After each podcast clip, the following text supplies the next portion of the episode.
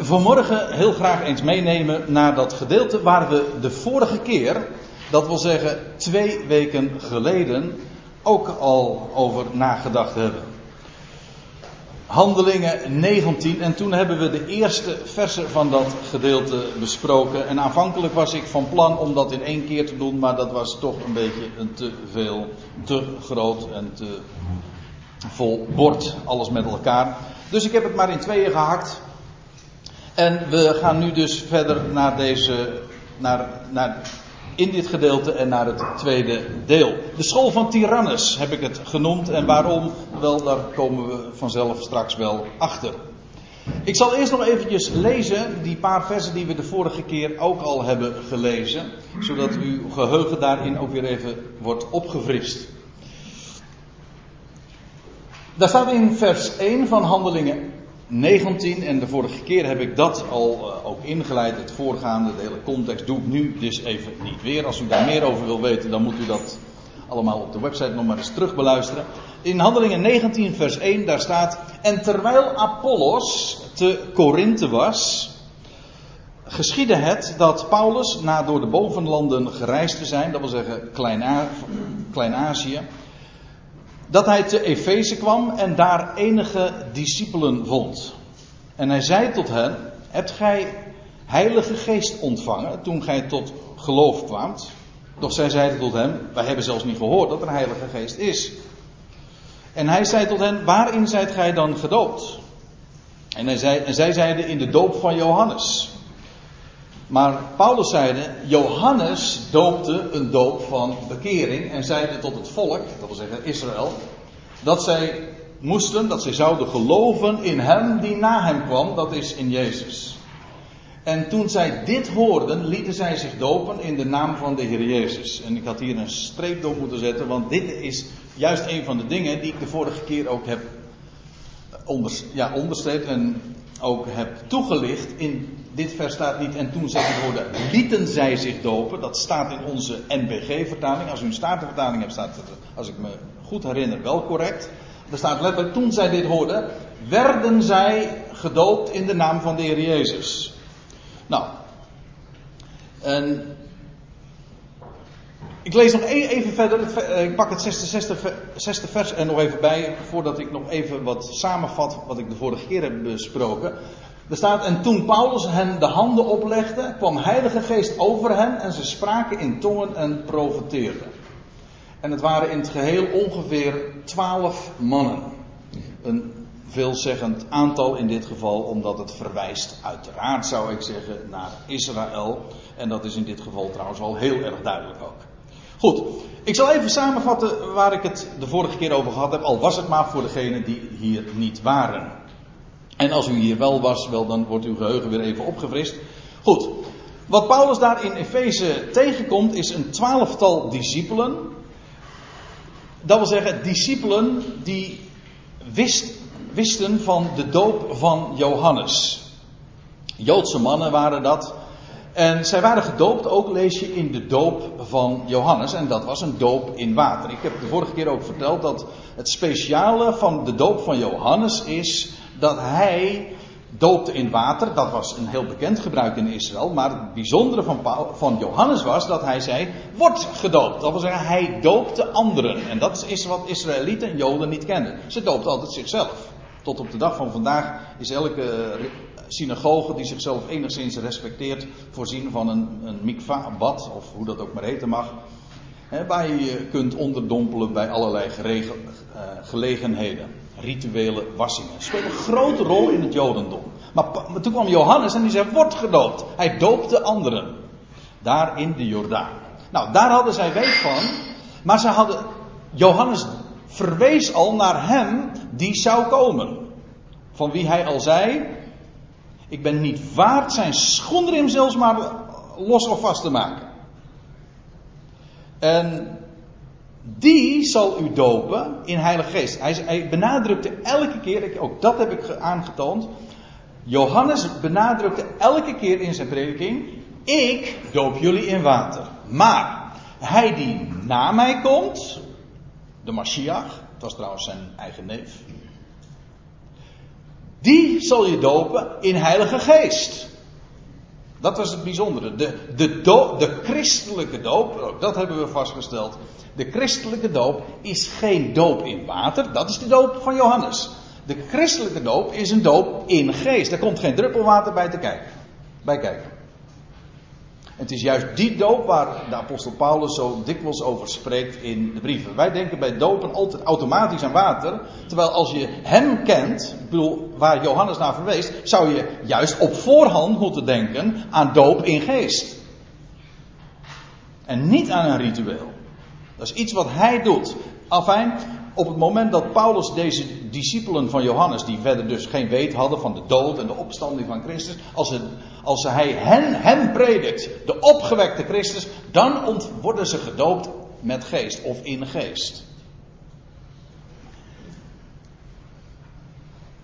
Ik heb ook uh, toen uh, naar voren gebracht dat op het moment dat een mens het levende woord, of zal ik het anders zeggen, het woord van leven, en dat is het woord van de opgewekte Christus. Immers, dat is het woord van leven. Dat is namelijk het, het getuigenis dat de dood is overwonnen. Wel, op het moment dat je dat woord ontvangt als levend woord, met recht, dan ontvang je ook geest. Gods, zijn woorden zijn geest en leven. Dat is, daar is niks waarzigs aan. Nou oké, je kunt het niet zien, maar wel horen. En op het moment dat je dat woord van leven ontvangt, dan heb je geest in je. Dat, dat woord is namelijk ook geest. Power, kracht Gods. Woord van leven. Enfin, zij werden gedoopt in geest. En dan lees je, ze beginnen te spreken in vreemde talen. In tongen heet dat dan. Ze spreken in tongen, of spreken, dat is eigenlijk wat het is, spreken in vreemde talen. En dat betekent bij Paulus, ook dat heb ik aangetoond, ik ben er nu nog nu dus nog steeds bezig met de samenvatting van de vorige keer. Dat het loutere feit dat deze mannen spreken in vreemde talen, dat geeft aan dat Israël buitenspel staat. Paulus legt dat dan ook uit in 1 Corinthië 14, dat God door lieden van een vreemde tongval tot dit volk, dat wil zeggen Israël, zou spreken. En er staat er veelzeggend achter. En dat wordt al gezegd in in de, door de profeet Jezaja. En Paulus haalt het bevestigend aan. En toch zullen ze mij, naar mij niet horen. Die twaalf mannen, die spreken in vreemde talen. Waarom? Wel om daarmee aan te geven, het heil, God spreekt nu niet in een Hebreeuwse taal, nee, het heil is naar de natieën gegaan. En nu via de natieën wordt Israël aangesproken. Dat is veelzeggend. Dat is ook een groot probleem voor, voor het Jodendom. Het, het Joodse idee is uiteraard dat dat Israël gesteld wordt tot een zegenkanaal, dat gaat het ook worden trouwens. En dat via Israël de boodschap tot de heidenen gaat. Maar nu is in deze dagen is precies omgekeerd. Het is, het, de boodschap komt tot Israël via de heidenen. Niet Israël, de heidenen vernemen het van Israël. Nee, het komt, er, eh, het komt erop neer. Via vreemde tongval, andere natie, andere talen, wordt tot dit volk gesproken. En staat erbij, zij, toch zullen ze naar mij niet luisteren. Ik bedoel, als natie. Ik heb het niet over Joden individueel, maar als natie zullen ze naar mij niet horen. En dat spreken in vreemde talen, dat betekent dus, het Israël staat buitenspel. Het gaat niet om het Hebreeuws, het gaat om heidense, Gooise talen. En ze profiteren, staat er ook nog bij. Ik denk trouwens dat het één is. Zij profiteerden namelijk in vreemde talen. En dat betekent in die dagen nog, het woord Gods was nog niet compleet. Onvolkomen is ons profiteren, maar zegt Paulus dan in 1 Corinthië 13, als, als het volmaakte gekomen is, dat wil zeggen, als het woord compleet is, ja, dan, dan houdt het kinderlijke op. Spreken in tongen, dat zal verstommen en het profiteren, dat zal uh, hoe staat het er? Afgedaan hebben, juist ja. Het profiteren zal afgedaan hebben. De tongen zullen verstommen. Het heeft te maken met die eerste fase van de gemeente. Goed, dat heb ik dus uh, de vorige keer uh, naar voren gebracht. En nou, dat heb ik nu eventjes in een paar minuten zo samengevat. Dat is één ding. Ja, het was een pittige les de vorige keer. Want het is een wat, misschien wat moeilijk gedeelte voor ons mensen in 2012. Als je dat dan tot je neemt en je leest dat over die discipelen van Johannes. Denk je, waar gaat dat over? Moet eventjes Even goed bij, goed bij de les zijn en eens even goed voor gaan zitten. Wat is hier aan de hand? Ja, nou ja, en daarom zijn wij ook hier bij elkaar. We doen bijbelstudie, nietwaar? We zitten hier in een school. Ja, maar goed, dat is een mooi opstapje meteen voor het navolgende. Want dan, nou gaan we verder met vers 8. En Paulus ging naar de synagoge. Dus nog even, goed in gedachten. Die twaalf, die gingen, daarvan lees je dus, ze spraken in vreemde talen, ze profeteerden. En dan vervolgens je, en Paulus ging naar de synagoge en trad drie maanden lang vrijmoedig op. Interessant trouwens, dat die periode van drie maanden in de Bijbel wel vaker genoemd wordt. Nou, eens eventjes uh, zoals een test. Doe eens een gooi. Wie weet er een voorbeeld van? Dat is moeilijk hoor. Niet allemaal tegelijk. Sorry? Maria Elisabeth. Ja, was ook drie maanden. Ja, dat. Ja, dat is, uh, vals spelen, hè? Ja. een Bijbelleraar die uh, antwoord geeft op deze vraag. Ja. Maar. Uh, ja, het is helemaal waar. Eh, daar dacht ik trouwens niet eens aan. Maar eh, ik, waar ik wel aan dacht, bijvoorbeeld aan Mozes, die drie maanden verborgen werd gehouden voor de farao, Exodus 2. En dan lees je nog zo'n merkwaardige geschiedenis over de ark. Die door, vervoerd wordt naar Jeruzalem onder leiding van David. En dan, dan die ark die valt van die wagen af. Kent u die geschiedenis? We hebben er ooit eens een keertje een paar bijbelstudies aan gewijd. Een schitterend verhaal. Echt geweldig. Maar die, die ark valt dan en dan, dan lees je dat die ark die komt wel in Jeruzalem. Maar het wordt onderbroken. Nou, als ik het zo zeg, dan moet je eigenlijk al gaan. Ah, dat heeft te maken natuurlijk met de komst van de Messias, de ark, naar Jeruzalem. Maar die komst is onderbroken. Inderdaad, en in die tijd, ja, als dan dat voorval plaatsvindt van ongeloof, dan uh, lees je dat de ark wordt drie maanden ondergebracht in het huis van een Obed Edom. En dat, is, en dat was, staat erbij, een Gatiet. Gat, dat wil zeggen gewoon, het was een Filistijn. Komt, de ark gods kwam onder de natie. Dat is de gedachte. Drie maanden lang. Nou ja. Ik geef het maar mee. Denk er eens over na. Goed, maar eh, ja, ik had het niet eens onderstreept, want ik wilde eigenlijk wijzen even op dat woord vrijmoedig. Dat woord vrijmoedig kom je juist in het boek Handelingen heel dikwijls tegen. Dat woord, eh, dat woord vrijmoedig dat is heel interessant, want als je in het Grieks is dat dit woord, paresia. En dat par, dat wil zeggen alles. En dat resia heeft te maken met, ja, heel letterlijk met uiten, met expressie. Dat wat, wat voortkomt uit. En daarom ook met, met spreken.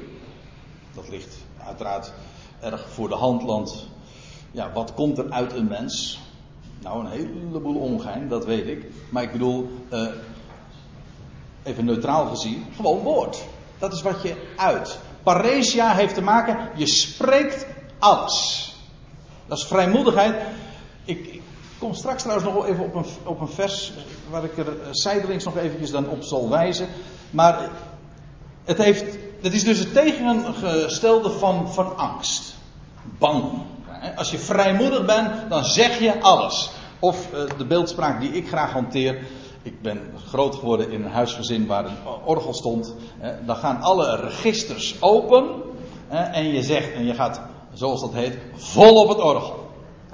Alles uit je. Niet over eieren lopen. Ik weet ook dat is een, een probleem, juist bij voorgangers zo dikwijls. Ik zeg het maar zoals het is. Ik zeg het maar alles, hè. Ja, waarbij je over eieren moet. Kan ik dat wel zeggen? Mag dat wel van de kerk of van de kerkenraad? Dat is, is een groot probleem. Dat je, dan ben je namelijk gebonden. Dan ben, je, dan ben je altijd maar bang dat je iets fout zegt. Want ja, je moet de mensen pleasen natuurlijk. Paulus zegt dan heel erg resoluut: van als ik dat nog doe, dan ben ik geen dienstknecht meer van hem. Ja, want hoor eens eventjes, als je in dienst bent van hem, dan, moet je, dan word je geacht zijn woord door te geven. Toch?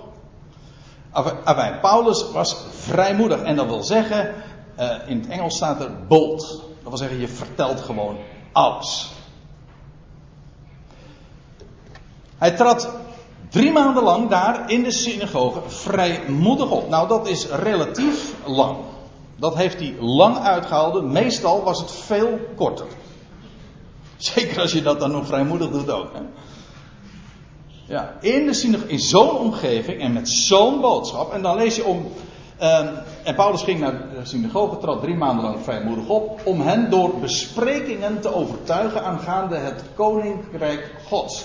Door bespreking. Als u de concordant version hebt, dan staat daar uh, to argue. Argumenteren. En als je uit even Judas 9, Judas vers 9, daarmee vergelijkt, dan, dan begrijp je ook waarom dat inderdaad argumenteren is. Daar, als je in, in dit bewuste vers, daar is het, heeft het ook inderdaad heel specifiek die gedachte. Daar wordt hetzelfde woord namelijk gebruikt in het Grieks. Het gaat er eventjes om, dus het is maar niet zomaar, nou ja, dat ze samen aan het keuvelen waren. Nee, het is dus echt, ze hadden het ergens over.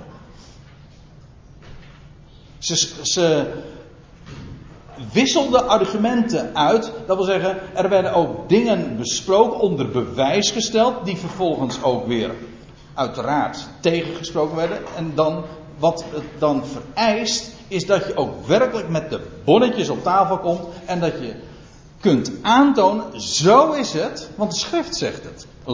Dat je het gewoon laat zien. Paulus argumenteerde. Dat vond ik toch wel mooi om dat, dat te, zien. Dus het ging inderdaad ergens over. Trouwens, uh, als je even los uh, bekijkt van, van het, de eigenlijke betekenis van dit woord. De context maakt het sowieso al duidelijk, want er staat om hen door besprekingen, door argumenteren, te overtuigen. Dat heeft al te maken met, het, met de gedachte van je wil iets overbrengen. Je wil iets wat zij niet weten of niet willen geloven, of wat niet in de lijn van hun traditie ligt willen zij doorgeven. Wil hij doorgeven om hen te overtuigen aangaande het koninkrijk Gods. Ja.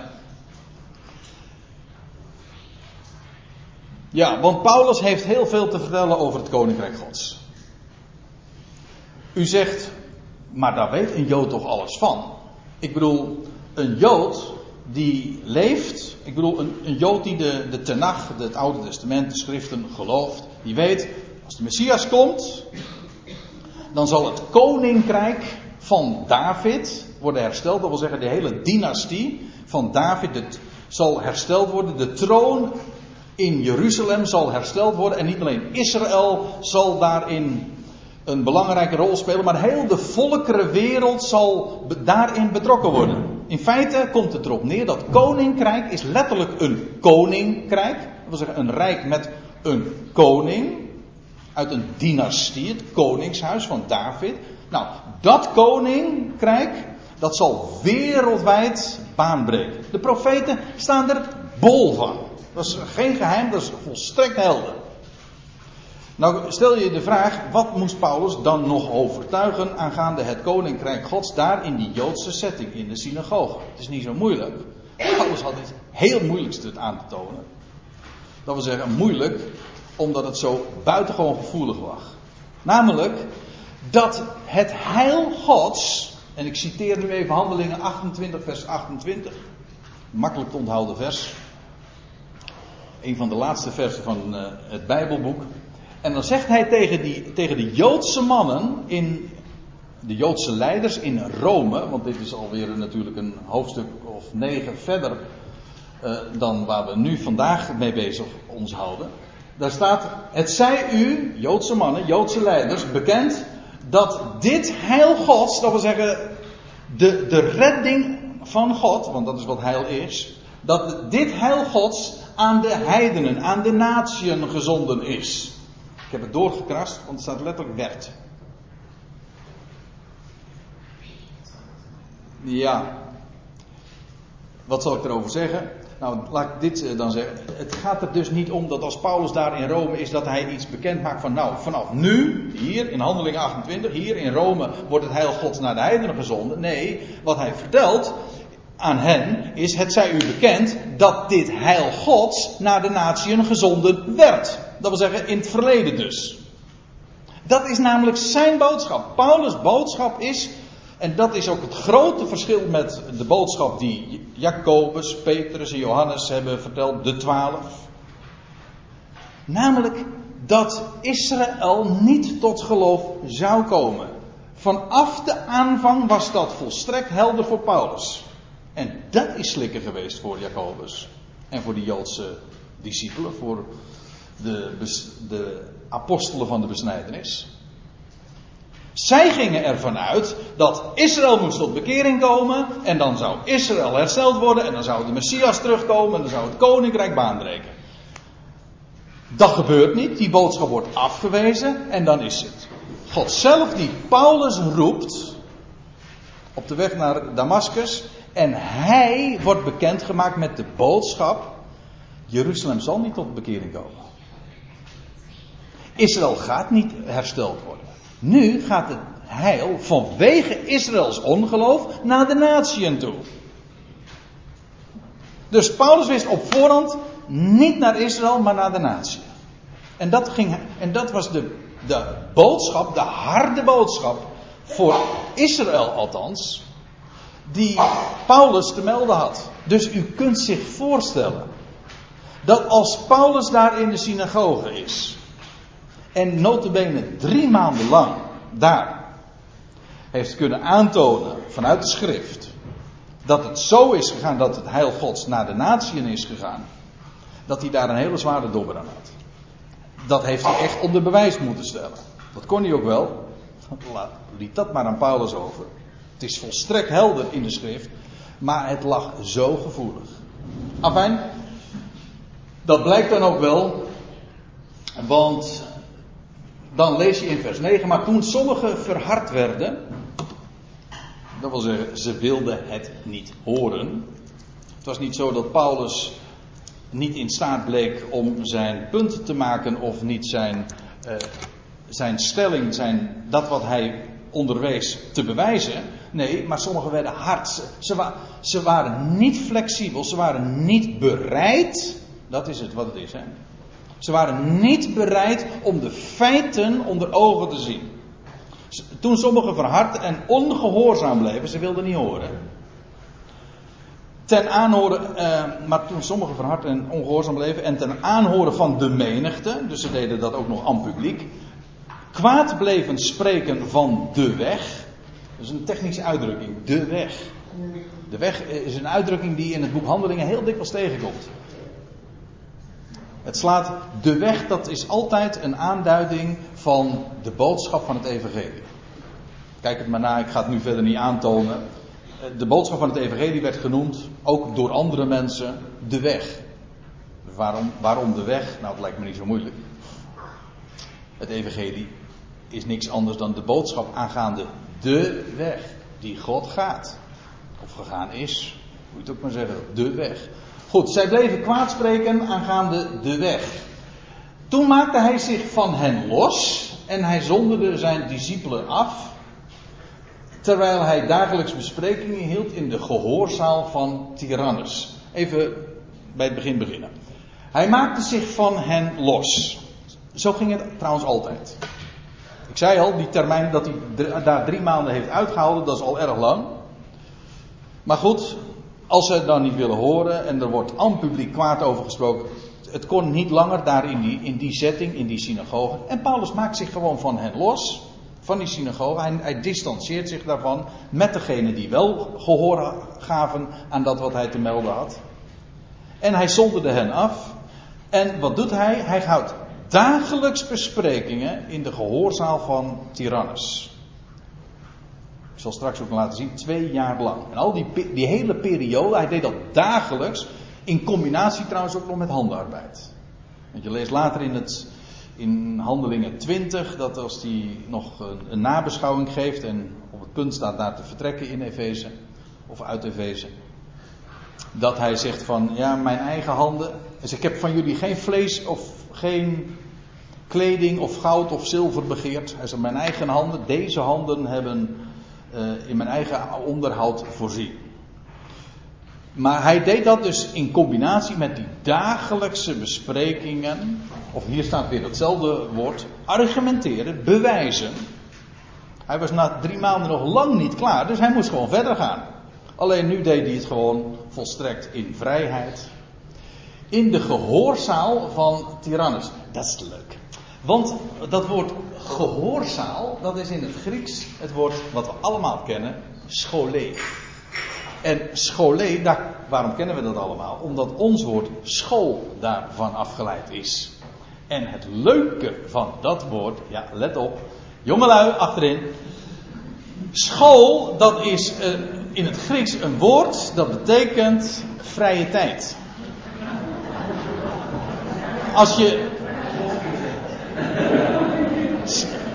School betekent eigenlijk vrije tijd, ontspannen. Je hebt niks te doen en dan ga je naar school.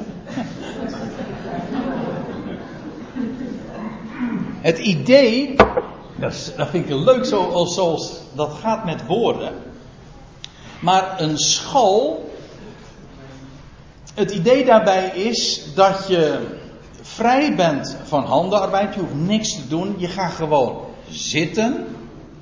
Geen verplichtingen, je gaat zitten, je bent ontspannen en dan ben je in de juiste conditie, beste mensen, om onderwijs te krijgen, om geleerd te worden.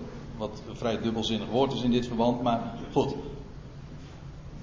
Om, om onderwijs te krijgen. Daarvoor is ontspanning nodig. Gewoon, je hebt niks te doen, niks vraagt aandacht.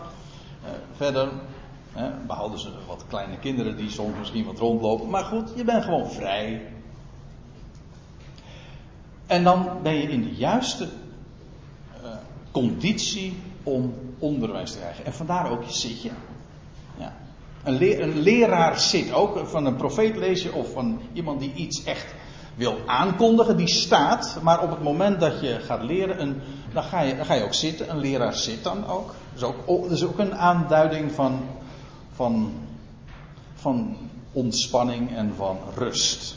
Vandaar ook dat men nog spreekt ook over een leerstoel. Ja, dat is echt Nee, niet een lerenstoel, dat is weer wat anders. een leerstoel. Ja, dus uh, dat is het idee bij, bij een school. En de, de Ecclesia, ik weet niet hoe u daar tegenaan kijkt, maar de Ecclesia, ik wil gewoon de wat mensen dan noemen de gemeente. Ik vermijd dat woord omdat daar zo een hele organisatorische ballast om, gelegd is. Het is gewoon de Ecclesia, een, een, een gezelschap dat samenkomt rondom woord. Dat onderricht wordt dat A bekendgemaakt wordt, maar vervolgens ook onderwezen wordt. De Ecclesia is een school waar geleerd wordt. Ik weet dat, dat misschien is dat goed om eventjes te onderstrepen.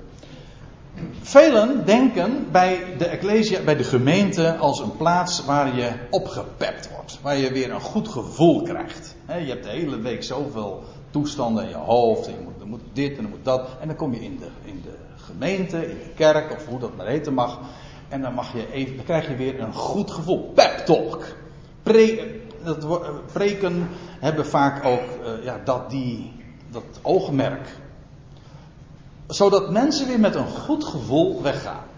Daarin dat kader en in die sfeer past dan ook natuurlijk het, het, zwijmelen bij liederen, mooie muziek. Ik, ja, ik ben een beetje bang dat ik misschien nu dingen ga zeggen die die ik me niet kan verantwoorden. Maar ik bedoel gewoon dit te zeggen. Er is niks mis met een goed gevoel. Maar ik wil wel dit zeggen.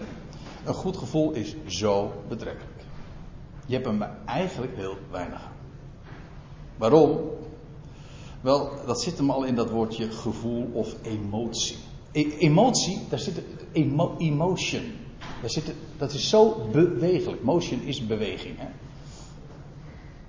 We zeggen ook van ik word bewogen. Ja, nou dat is nou juist het probleem. Het is heel mooi bewogen, gevoel, gevoelig. Maar dat, zo voel je hier, zo voel je daar. De ene dag is het hemelhoog jougend. Hè? En dan de volgende dag, maar meestal is het nog veel bewegelijker. Dat kan zomaar in één dag hè, zo wisselen. Zum Toten betrübt. Dat is ongeveer het enige Duits wat ik uh, ken, maar zo ongeveer moet dat dan toch klinken. Maar, ik bedoel, dat is gevoel. Weet u, dat is zo betrekkelijk. Daar gaat het ook niet om. Het gaat dat je dingen weet. Moet je, maar eens opletten, dat is een mooie Bijbelstudie. Bij een andere gelegenheid gaan we dat nog wel eens doen. Dat Paulus zegt van wij weten. Opdat wij weten hoe de dingen zijn. En dat is stabiel. Wetenschap heeft niks te maken met hoe je je voelt. Nee, het gaat erom dat je dingen weet. Waar je op kunt staan. Die, die niet veranderen. Dat een bodem is waar je op kunt rusten. Dat is zo belangrijk. Dan moet je geleerd worden. Hoe zit de vork aan de steel? A, B, C. En moet u maar eens opletten hoe dat in de, in de brieven ook benadrukt wordt. Gezonde leer. Dat woord leer, heb je het weer? Ja, dan heb je het weer. Dat is uh, onderwijs, teaching. Gezonde leer, dat is zo belangrijk. Dat je onderwezen wordt. Het ABC, dat is melk. Vervolgens ook verder komt. De, vaste spijs. Dat je met recht wijzer wordt, dat je nieuwe dingen leert. Maar ook weer bevestigd wordt in dat wat je al wist. Zodat het alleen maar nog maar vaster, solider wordt. Zodat je een stabiel mens wordt. Want bewogenheid is prachtig. Maar als het geen basis heeft, betekent het helemaal niks. Wat zo belangrijk is, dat je weet dat dat goede bericht iets is waar je op kan staan. Dat niet verandert als jij je een keertje beroerd voelt. Nou en? Kijk, als je, als je dat beroerde gevoel ook zelf kan relativeren, dan heb je veel geleerd, want dan ben je op weg naar stabiliteit. Naar, dat je vaststaat. On, ja, met recht onbewogen. Nou bedoel ik dat inderdaad in de positieve zin. Onbewogen dus. Onbewegelijk staat er in de 1 Korinthe 15. Wees standvastig, onwankelbaar, steeds overvloedig. On, onwankelbaar, dus dat je er niet van laten afbrengen. Dat is, dat is gezonde leer. Het is zo belangrijk om onderwijs te hebben. En oké, dan moeten de hersentjes eens kraken. Eh, soms komen mensen naar me toe en, die, en ander, ja, misschien vatten het mensen het als een, als een aanklacht op, maar ze zeggen nou, ik moest vanmorgen, ik vond het vanmorgen wel erg moeilijk. Of dan zeggen ze, uh, ik moest mijn aandacht er wel erg bij houden. ja, en? Denk ik dan? Des te beter. Ik, vind, ik weet je wanneer het erg wordt. Wanneer je tien minuten gewoon kan afdwalen en dat je dan nog niks mist hebt. Dat vind ik erg. ja. Enfin, Paulus hield dus argumenten, besprekingen. Hij argumenteerde, hij maakte dingen duidelijk. Hij bewees dingen. Dagelijks. Elke dag weer. De gemeente is een plaats, de ecclesia, waar onderwijs gegeven wordt. Waar je wijzer wordt. En er is, het is een zee, of laat ik zeggen, een oceaan van kennis. En we zijn nog niet eens van wal gestoken. Zo groot en zo rijk, uh, zo'n rijkwijde heeft dat. is adembenemend. Ik vind het heerlijk om eraan te denken, want er is nog zoveel te leren. Het, het maakt je ook zo klein, we weten eigenlijk nog niks. Ook al ben je bijbelleraar, weet je eigenlijk nog helemaal niks. Dat meen ik echt. Dat... Maar dat, dat is een uitdaging. Goed, uh, in die, uh, hij hield bespreking in de gehoorzaal van Tyrannus. Dus staat daar dus letterlijk dat woordje scholen. School. Het is trouwens grappig, het woord school heeft een dubbele betekenis. Het kan het duiden op het gebouw, waar les gegeven wordt. Maar het betekent ook uh, een, een, bepaalde onderwijsrichting. Je hebt de, de, de school van die en de school van die de school van de fariseeën, de school van de filosofie. Ook wij spreken daar nog over diverse scholen, leringen, richtingen. En die dubbele betekenis die raakt verloren als je het vertaalt met gehoorzaal. Het is dus eigenlijk gewoon, hij hield die argumenteringen, die, die besprekingen hield hij in de school van Tyrannus. Ja, daar is ons woord tiran uiteraard van afgeleid, maar dat vind ik zo leuk. Net als Paulus hen heeft vrijgemaakt uit de synagoge, losgemaakt, en dan is hij in alle vrijmoedigheid kan hij daar spreken en onderwijs geven. Maar het was in de school van Tyrannus. Dat wil zeggen, het was kennelijk een, gebouw, maar eerst uh, een Tyrannus, wat niet echt pleit voor voor het onderwijs, maar Paulus heeft daar zijn boodschap neergelegd en onderwezen van vrijheid in de school van Tyrannus. Ja. En dan staat er, en dit ging twee jaar lang zo voort.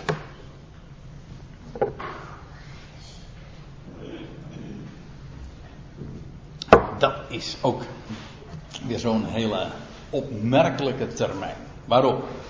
Wel, alleen al in het boek Handelingen vind je die termijn drie keer vermeld. Over verschillende periodes dus. Het gaat over verschillende periodes, maar in Handelingen wordt daar telkens op gewezen op die termijn van twee jaar. De eerste keer dat we die termijn tegenkomen, en dat wil ik dan toch even laten zien, dat is in de geschiedenis van. Nou, als niemand het weet, nou, dan zeg ik het zelf. Uh, van Jozef. Ja, het is alweer volgens mij een jaar of vijf, zes geleden dat ik daar toen een keertje ook een paar Bijbelstudies hier ook over gehouden. Over Jozef in de gevangenis. Er staat namelijk dit. Ik weet haast zeker dat de meeste mensen nu uit bescheidenheid hun mond hebben gehouden. Ja, tenminste, daar ga ik vanuit. Dat u toch nog wel wat leert. Goed, daar staat in, in Genesis 41, vers 1. Uh, na verloop van twee volle jaren droomde Farao. Nou, dan gaat het verder. Uh, die periode dat Jozef in de gevangenis was, was een periode van twee jaar. De volle termijn van twee jaar. En dat is zo mooi. Want wat ik wil laten zien is dat die twee jaar typerend zijn voor de periode waarin wij leven. De periode namelijk ook van 2000 jaar. Waar de profeten over spreken. Twee dagen. Ja, en u weet, de Heer die rekent nu eenmaal zo. Dat mag ons niet ontgaan, zegt Petrus. De Heer is één dag als duizend jaar. Die 2000 jaar. Die twee jaar spreken van de 2000 jaar. Ik zal dat laten zien. Kijk, van Jozef. Eh, we gaan nu even naar een andere geschiedenis. Jozef, die was die, die, u weet wel, die geliefde zoon van zijn vader. Die verkocht werd door zijn broeders. In die put geworpen werd. Een schitterend plaatje. Opnieuw, kan niet missen. Van de Messias. Dat trouwens, die trouwens ook de zoon van Jozef was. Ja, die inderdaad ook de geliefde zoon van zijn vader was, maar verworpen werd door zijn broeders naar het vlees, onder de aarde terecht kwam in de put. En dan, en het hele huis van Jacob waant hem dan dood. Jacob dacht dat hij verscheurd was door een wild dier. Maar in werkelijkheid was Jozef terechtgekomen onder de natie. En dan lees je dat hij in het huis van Potifar komt. En waar hij ook komt, ondanks dat hij in gevangenschap was, de Heer zegende hem. En zelfs ter wille van Jozef werd het huis van Potifar gezegend. En vervolgens komt Jozef weer in de gevangenis. Uh, ja, komt hij in een andere huis van Potifar terecht. Ja, echt. Ik verspreek me nu niet. Het is zoals ik het nu zeg. Hij kwam in het andere huis van Potifar terecht. En dan lees je. Uh, ja, in, echt in de gevangenis. En wat doet hij daar?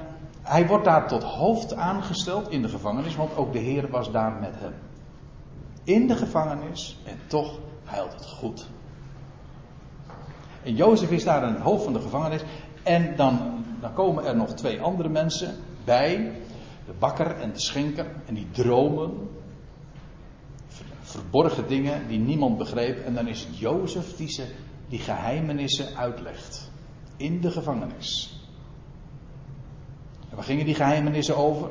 Over wat er op de derde dag, na twee dagen zou gebeuren. Zowel met die bakker als die schenker. Ja, ik kijk zo eventjes de zaal in om te kijken of het valt. Kent die geschiedenis toch van die bakker? Hè, die op de derde dag verhoogd zou worden. En die schenker ook trouwens. Nou. Jozef vertelt daar in de gevangenis, daar onder de natieën. Hij, hij wordt doodgewaand door zijn volk. Maar daar vertelt hij geheimenissen. Maakt hij duidelijk. Nou, wat ik wil zeggen is, die periode van twee jaar van Jozef in de gevangenis onder de natie is een uitbeelding van de tegenwoordige tijd. Verworpen door zijn broeders, maar hij is tot hoofd gesteld van de gevangenis. Gevangen, buiten de maatschappij wil het eigenlijk zeggen. En toch, het is zo goed toeven. Ik hou ervan om eraan te denken dat de Ecclesia een school is. Ik hou er ook van om te denken, we staan buiten de maatschappij. God zij dank. Daar zijn we ook vrij van. Los van. En wat wordt ons duidelijk gemaakt? Waarin worden we onderwezen? In geheimenissen Gods. Zo rijk, zo groot. En Paulus, of ja, je haalt dingen zo op deze manier makkelijk door elkaar. Maar Jozef verblijft dan in die gevangenis twee jaar. Bakker en die schenker die vergeten hem. En dan komt hij uit de gevangenis. En dan gaat ook Farao dromen. En die worden uitgelegd door Jozef. En Jozef wordt onderkoning. Een schitterend plaatje natuurlijk. Je kunt zo de lijn van de Messias daarnaast leggen. Verworpen door zijn broeders, komt onder de natieën, incognito, buiten de maatschappij, verworpen, maar niettemin degene die geheimenissen uitlegt. En na die periode wordt hij alsnog Safnapa Neach. Dat is de bijnaam van Jozef. Redder der wereld betekent dat. En dan komt ook Israël, het huis van Jacob, ja, die komen ook aan de weet wie hij is. Alsnog. Eerst verworpen, na die periode komt het huis van Jacob, letterlijk, tot de erkenning van wie hun broer, die zij verworpen hadden, wie hij is. Nou, schitterende uitbeelding natuurlijk van wat wij kennen als het evangelie. Nou, dat is die twee jaar.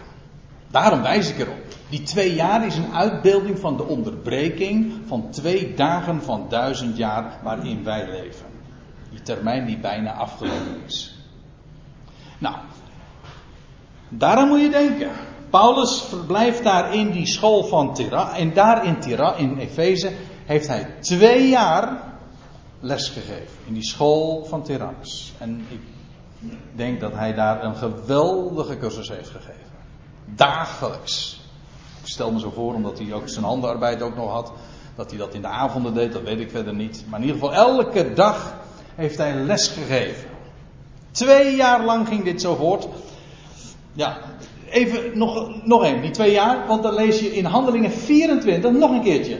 Maar toen de termijn van twee jaar voorbij was, liet hij, dan gaat het over stadhouder Felix, Paulus in gevangenschap achter in Caesarea. Weer twee jaar. Ja, dan zijn er mensen die zeggen, ja, dat was toevallig net weer twee jaar, dat heeft verder helemaal niks te betekenen. Nou ja, dat is uw manier van bijbellezen, maar ik moet zeggen, dan ontgaat je toch heel veel hoor. Als je ervan uitgaat dat heel de schrift een eenheid is en dat het ene uitgelegd wordt door het ander, dan, dan, dan vallen de stukjes zo op elkaar. Ze sluiten naadloos in elkaar. Paulus die dan op een later tijdstip dus in Caesarea aan de zee gevangen is. Ook weer een termijn van twee jaar gevangen. Ja, ja. En dan kom je nog een keertje tegen in de handelingen 28. En ik was zojuist al even in, in dat hoofdstuk. Toen ik het over de handelingen 28 vers 28 had. En dan lees je een paar versen later. Dit zijn de echt de laatste versen van handelingen van het hele boek. En dan staat er. En hij, dat is Paulus, bleef de volle termijn van twee jaar. Hé, hey, die heb ik vaker gehoord. Ja, daar moet je zo langzamerhand toch wel over struikelen dan. Hij bleef de volle termijn van twee jaar in zijn eigen gehuurde woning. Hij was daar onder begeleiding van een soldaat. Maar hij had toch, ondanks het feit dat hij daar. Hij was in gevangenschap en toch had hij een, een groot, toch een grote mate van vrijheid. Het, het, was goed toegedaan bij hem, bij Paulus. Het blijkt wel, we moeten opletten wat er staat. Prachtige uitbeelding van de tegenwoordige tijd. Hij bleef daar in zijn eigen gehuurde woning en ontving allen die tot hem kwamen. Hij kon niet meer uitgaan, maar hij ontving allen hartelijk welkom. Staat er, dat is dat woord ontving allen, betekent letterlijk, hij, hij nodigde ze allemaal uit, ze waren allemaal welkom. En hij ontving allen die tot hem kwamen predikende, herautende, het koninkrijk gods en onderricht, heb je het weer. Onderricht gevende aangaande de Heer Jezus Christus, want over hem gaat het toch altijd weer, uiteraard. Onderricht gevende aangaande de Heer Jezus Christus met alle vrijmoedigheid, zonder enige belemmering. Waarmee je ook meteen weet dus dat vrijmoedigheid daarmee te maken. Onbelemmerd spreken Niet gehinderd door wat men zegt, of door traditie, of door eigen angsten. Nee, alles vertellen. En dan zie je, dan zit Paulus daar weliswaar in die twee jaar in gevangen, maar hij had het goed. Het was zo goed om daar bij Paulus te wezen en om onderwezen te worden. Onderricht geven. Aangaande dat koninkrijk Gods en de Heer Jezus Christus. Dat is die twee jaar. Daar, daar moet je aan denken dat als je dan de ja, Bijbelteksten met elkaar gaat vergelijken. Goed, dan staat er dus, en dit ging twee jaar lang zo voort, zodat allen die in Azië woonden het woord des Heren hoorden, Joden zowel als Grieken. Het is opmerkelijk dat hier de Joden ook als eerste genoemd worden. Waarom? Ik weet dat sommige mensen daar de conclusie uit hebben getrokken dat Paulus uh, aan, aan, aan, de Joden nog het evangelie zou prediken in die zin dat zij nog tot bekering zouden kunnen komen. Dat wil zeggen de natie en dat het koninkrijk toen nog zou kunnen aanbreken. Maar dat is juist niet het geval. Wat Paulus aan de Joden vertelde was juist dat het heil Gods naar de natieën gezonden wordt. Daarom lag die boodschap van Paulus zo uiterst gevoelig, juist bij de Joden en bij de synagogen. Maar Paulus had daar dus tegen de Joden dit te vertellen. Het heil Gods is naar de natie gezonden, beste mensen. Hij had zoveel te vertellen over het koninkrijk Gods. En dat zal hij ongetwijfeld ook eh, eh, uitgelegd hebben aan de hand van bijvoorbeeld een geschiedenis als van Jozef. Ja. Maar zoveel andere geschiedenissen. Goed, zodat alle die in Azië woonden het woord des Heren hoorden, Joden zowel als Grieken. En God deed buitengewone krachten door de handen van Paulus. Nou kun je verschillende accenten leggen. Je kunt zeggen van. En God deed buitengewone krachten door de handen van Paulus. Je kunt de nadruk ook hierop leggen. Door de handen van Paulus. En klopt allemaal. Kijk, het is God die het getuigenis van Paulus bevestigt. Kijk, van Paulus lees je, in, hij, schrijft dat zelf in 1 Korinthe 15. Hij zegt: Het allerlaatst is hij, dan gaat het over de opgewekte Christus, het allerlaatst is hij ook aan mij verschenen. Even tussen twee haakjes. Alle claims van mensen die zeggen van de Heer is aan mij verschenen. En ik ben, nu, ik ben nu apostel, luister naar mij. Die kun je gevoegelijk gewoon dus allemaal naast je neerleggen. En het ene oor gaat het in, het andere gaat het weer uit. Dat is onzin namelijk. Het laatst is hij verschenen aan Paulus. En daarom is hij ook een apostel. Hij is afgevaardigd door Christus Jezus zelf. Het allerlaatst is hij aan mij verschenen als aan een ontijdig geborene. Want zegt hij, ik ben de geringste van de apostelen. Waarom? Hij zegt, ben, ik ben niet waard een apostel te heten. Waarom? Omdat ik de gemeente, de Ecclesia Gods vervolgd heb. Maar zegt hij er dan bij, want Paulus had geen minderwaardigheidscomplex. Hij zegt, maar door de genade Gods ben ik wat ik ben. Dus naar de mens gesproken ben ik inderdaad de minste. Ik ben niet eens waard een apostel te heten. Allemaal tot je dienst. Maar wat ik ben, ben ik door zijn genade. En juist omdat ik zo minderwaardig ben in de ogen van de mensen, ben ik juist zo'n geschikt kanaal om die boodschap van Gods genade te vertellen. En hij had te vertellen, wat te vertellen hoor over Gods genade. Dat is geweldig. Paulus was een apostel en hij had een boodschap te vertellen. De boodschap van de voorhuid, van dat het heil Gods naar de natieën was gezonden. En dan zegt, en dat heeft God ook bevestigd. Door, dat, door zijn hand, hij schrijft in 2 Korinthe 12, laat ik het voorlezen. Dan schrijft hij aan de Corinthiërs, diezelfde Corinthiërs dus, de tekenen van een apostel. Een apostel is iemand die hoogstpersoonlijk door Christus Jezus zelf is afgevaardigd. De tekenen van een apostel zijn bij u verricht met alle volharding staat erbij. Dat wil zeggen, bleef maar doorgaan. Door tekenen, wonderen en krachten. Paulus heeft bewezen een apostel te zijn. En Paulus heeft ook daar getoond, in, in daar in Efeze en in zijn bediening, De boodschap die ik breng is een boodschap van boven. Dat wil zeggen een boodschap die goddelijke bewijzen met zich meedraagt. Vandaar ook dat er dus staat. En God deed buitengewone krachten door de handen juist van Paulus. En daar staat er nog bij, zodat ook zweedoeken of gordeldoeken. Zweedoeken dat zijn gewoon. Uh, uh, ja, dat is gewoon uh, een, een, zakdoek. Dus dat. Ja, daar kun je nog even over doorgaan. Want wat komt eruit? Ja, dat is, is water. Maar water is ook een uitbeelding van, van woord. U zegt, vindt het misschien wat ver gaan. Maar normaal gesproken zou je zeggen van zweedoeken dat gaan in de was. Nee, bij Paulus was zijn dat woord wat hij bracht zo krachtig dat zelfs de zweedoeken geladen waren. En er staat nog niet eens bij hoe dat gebeurde, maar het bleek gewoon. God bewees daardoor, en het was een bewijs ook voor Israël. Israël zag. Nou, laat ik eerst nog eventjes lezen. Zodat ook de zweedoeken of gordeldoeken van zijn lichaam aan zieken gebracht werden. En hun kwalen van hen weken en boze geesten uitvoeren, uitgingen. Dat gebeurde zo in die dagen. God heeft zo het woord van Paulus als apostel bewezen. Zulke dingen die worden ook niet meer herhaald. Dat was Paulus zegt zelf, ik ben die laatste apostel. Maar God heeft het zo bewezen. Zweedoeken, ik zei al, dat zijn die, dat, nou ja, wat het is, eh, een zakdoek. Gordeldoeken, dat is, letterlijk zijn dat uh, schorten. Iets wat je om je gordel doet, maar voor de, voor de helft zeg maar bedekt. Een schort. Zodat wat hij, zelfs wat hij aan zijn lichaam droeg, dat was geladen, had, was vitaal, had genezingskracht. Bleek gewoon.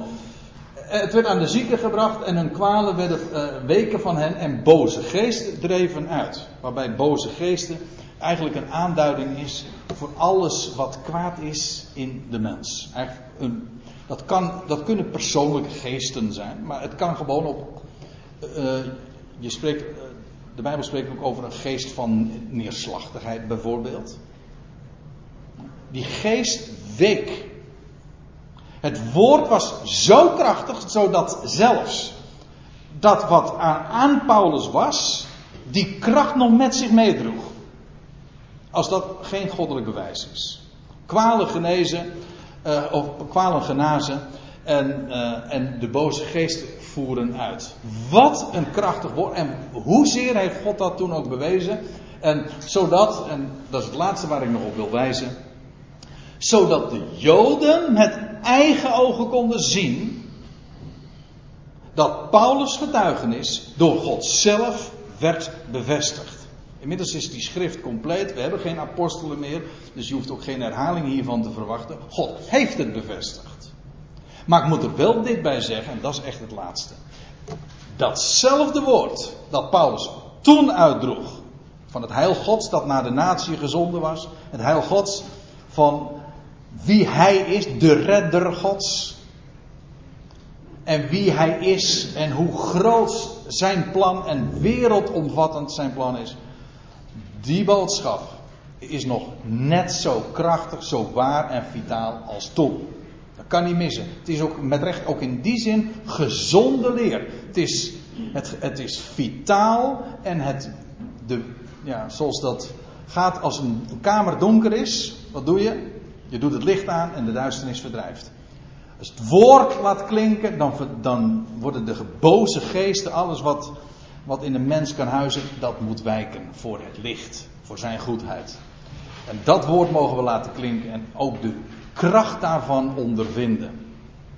En dat kan niet missen. Ik stel voor dat we daar ook een, een lied over zingen. Ook weer a cappella natuurlijk. Wij hebben een machtige heiland, een machtige redder, die nimmer de wereld vergeet. Ik heb het iets aangepast die nimmer de zijne vergeet. Dat is waar hoor. Maar hij vergeet de wereld niet. Want dat is toch de redder die wij kennen. Laat ons van zijn goedheid niet zwijgen, opdat een ieder het weet. Zorg dat ieder het weet. Kijk, het is heerlijk om een goed bericht te horen. Weet je wat nog veel mooier is? een goed bericht door te geven. Hoe was het spreekwoord ook alweer? Gedeelde vreugd is half, gedeelde smart is halve smart. Gedeelde vreugd is dubbele vreugd. Ja, dus wat is er nou heerlijker dan een woord van rijkdom en de wereld, en er zijn er velen die erom smachten. Ik heb er van de week weer een heel frappant staaltje van meegemaakt. Maar misschien u ook wel. Wat is het heerlijk om dat woord van hem ook te delen. Zorg dat een ieder het weet, want we hebben een macht.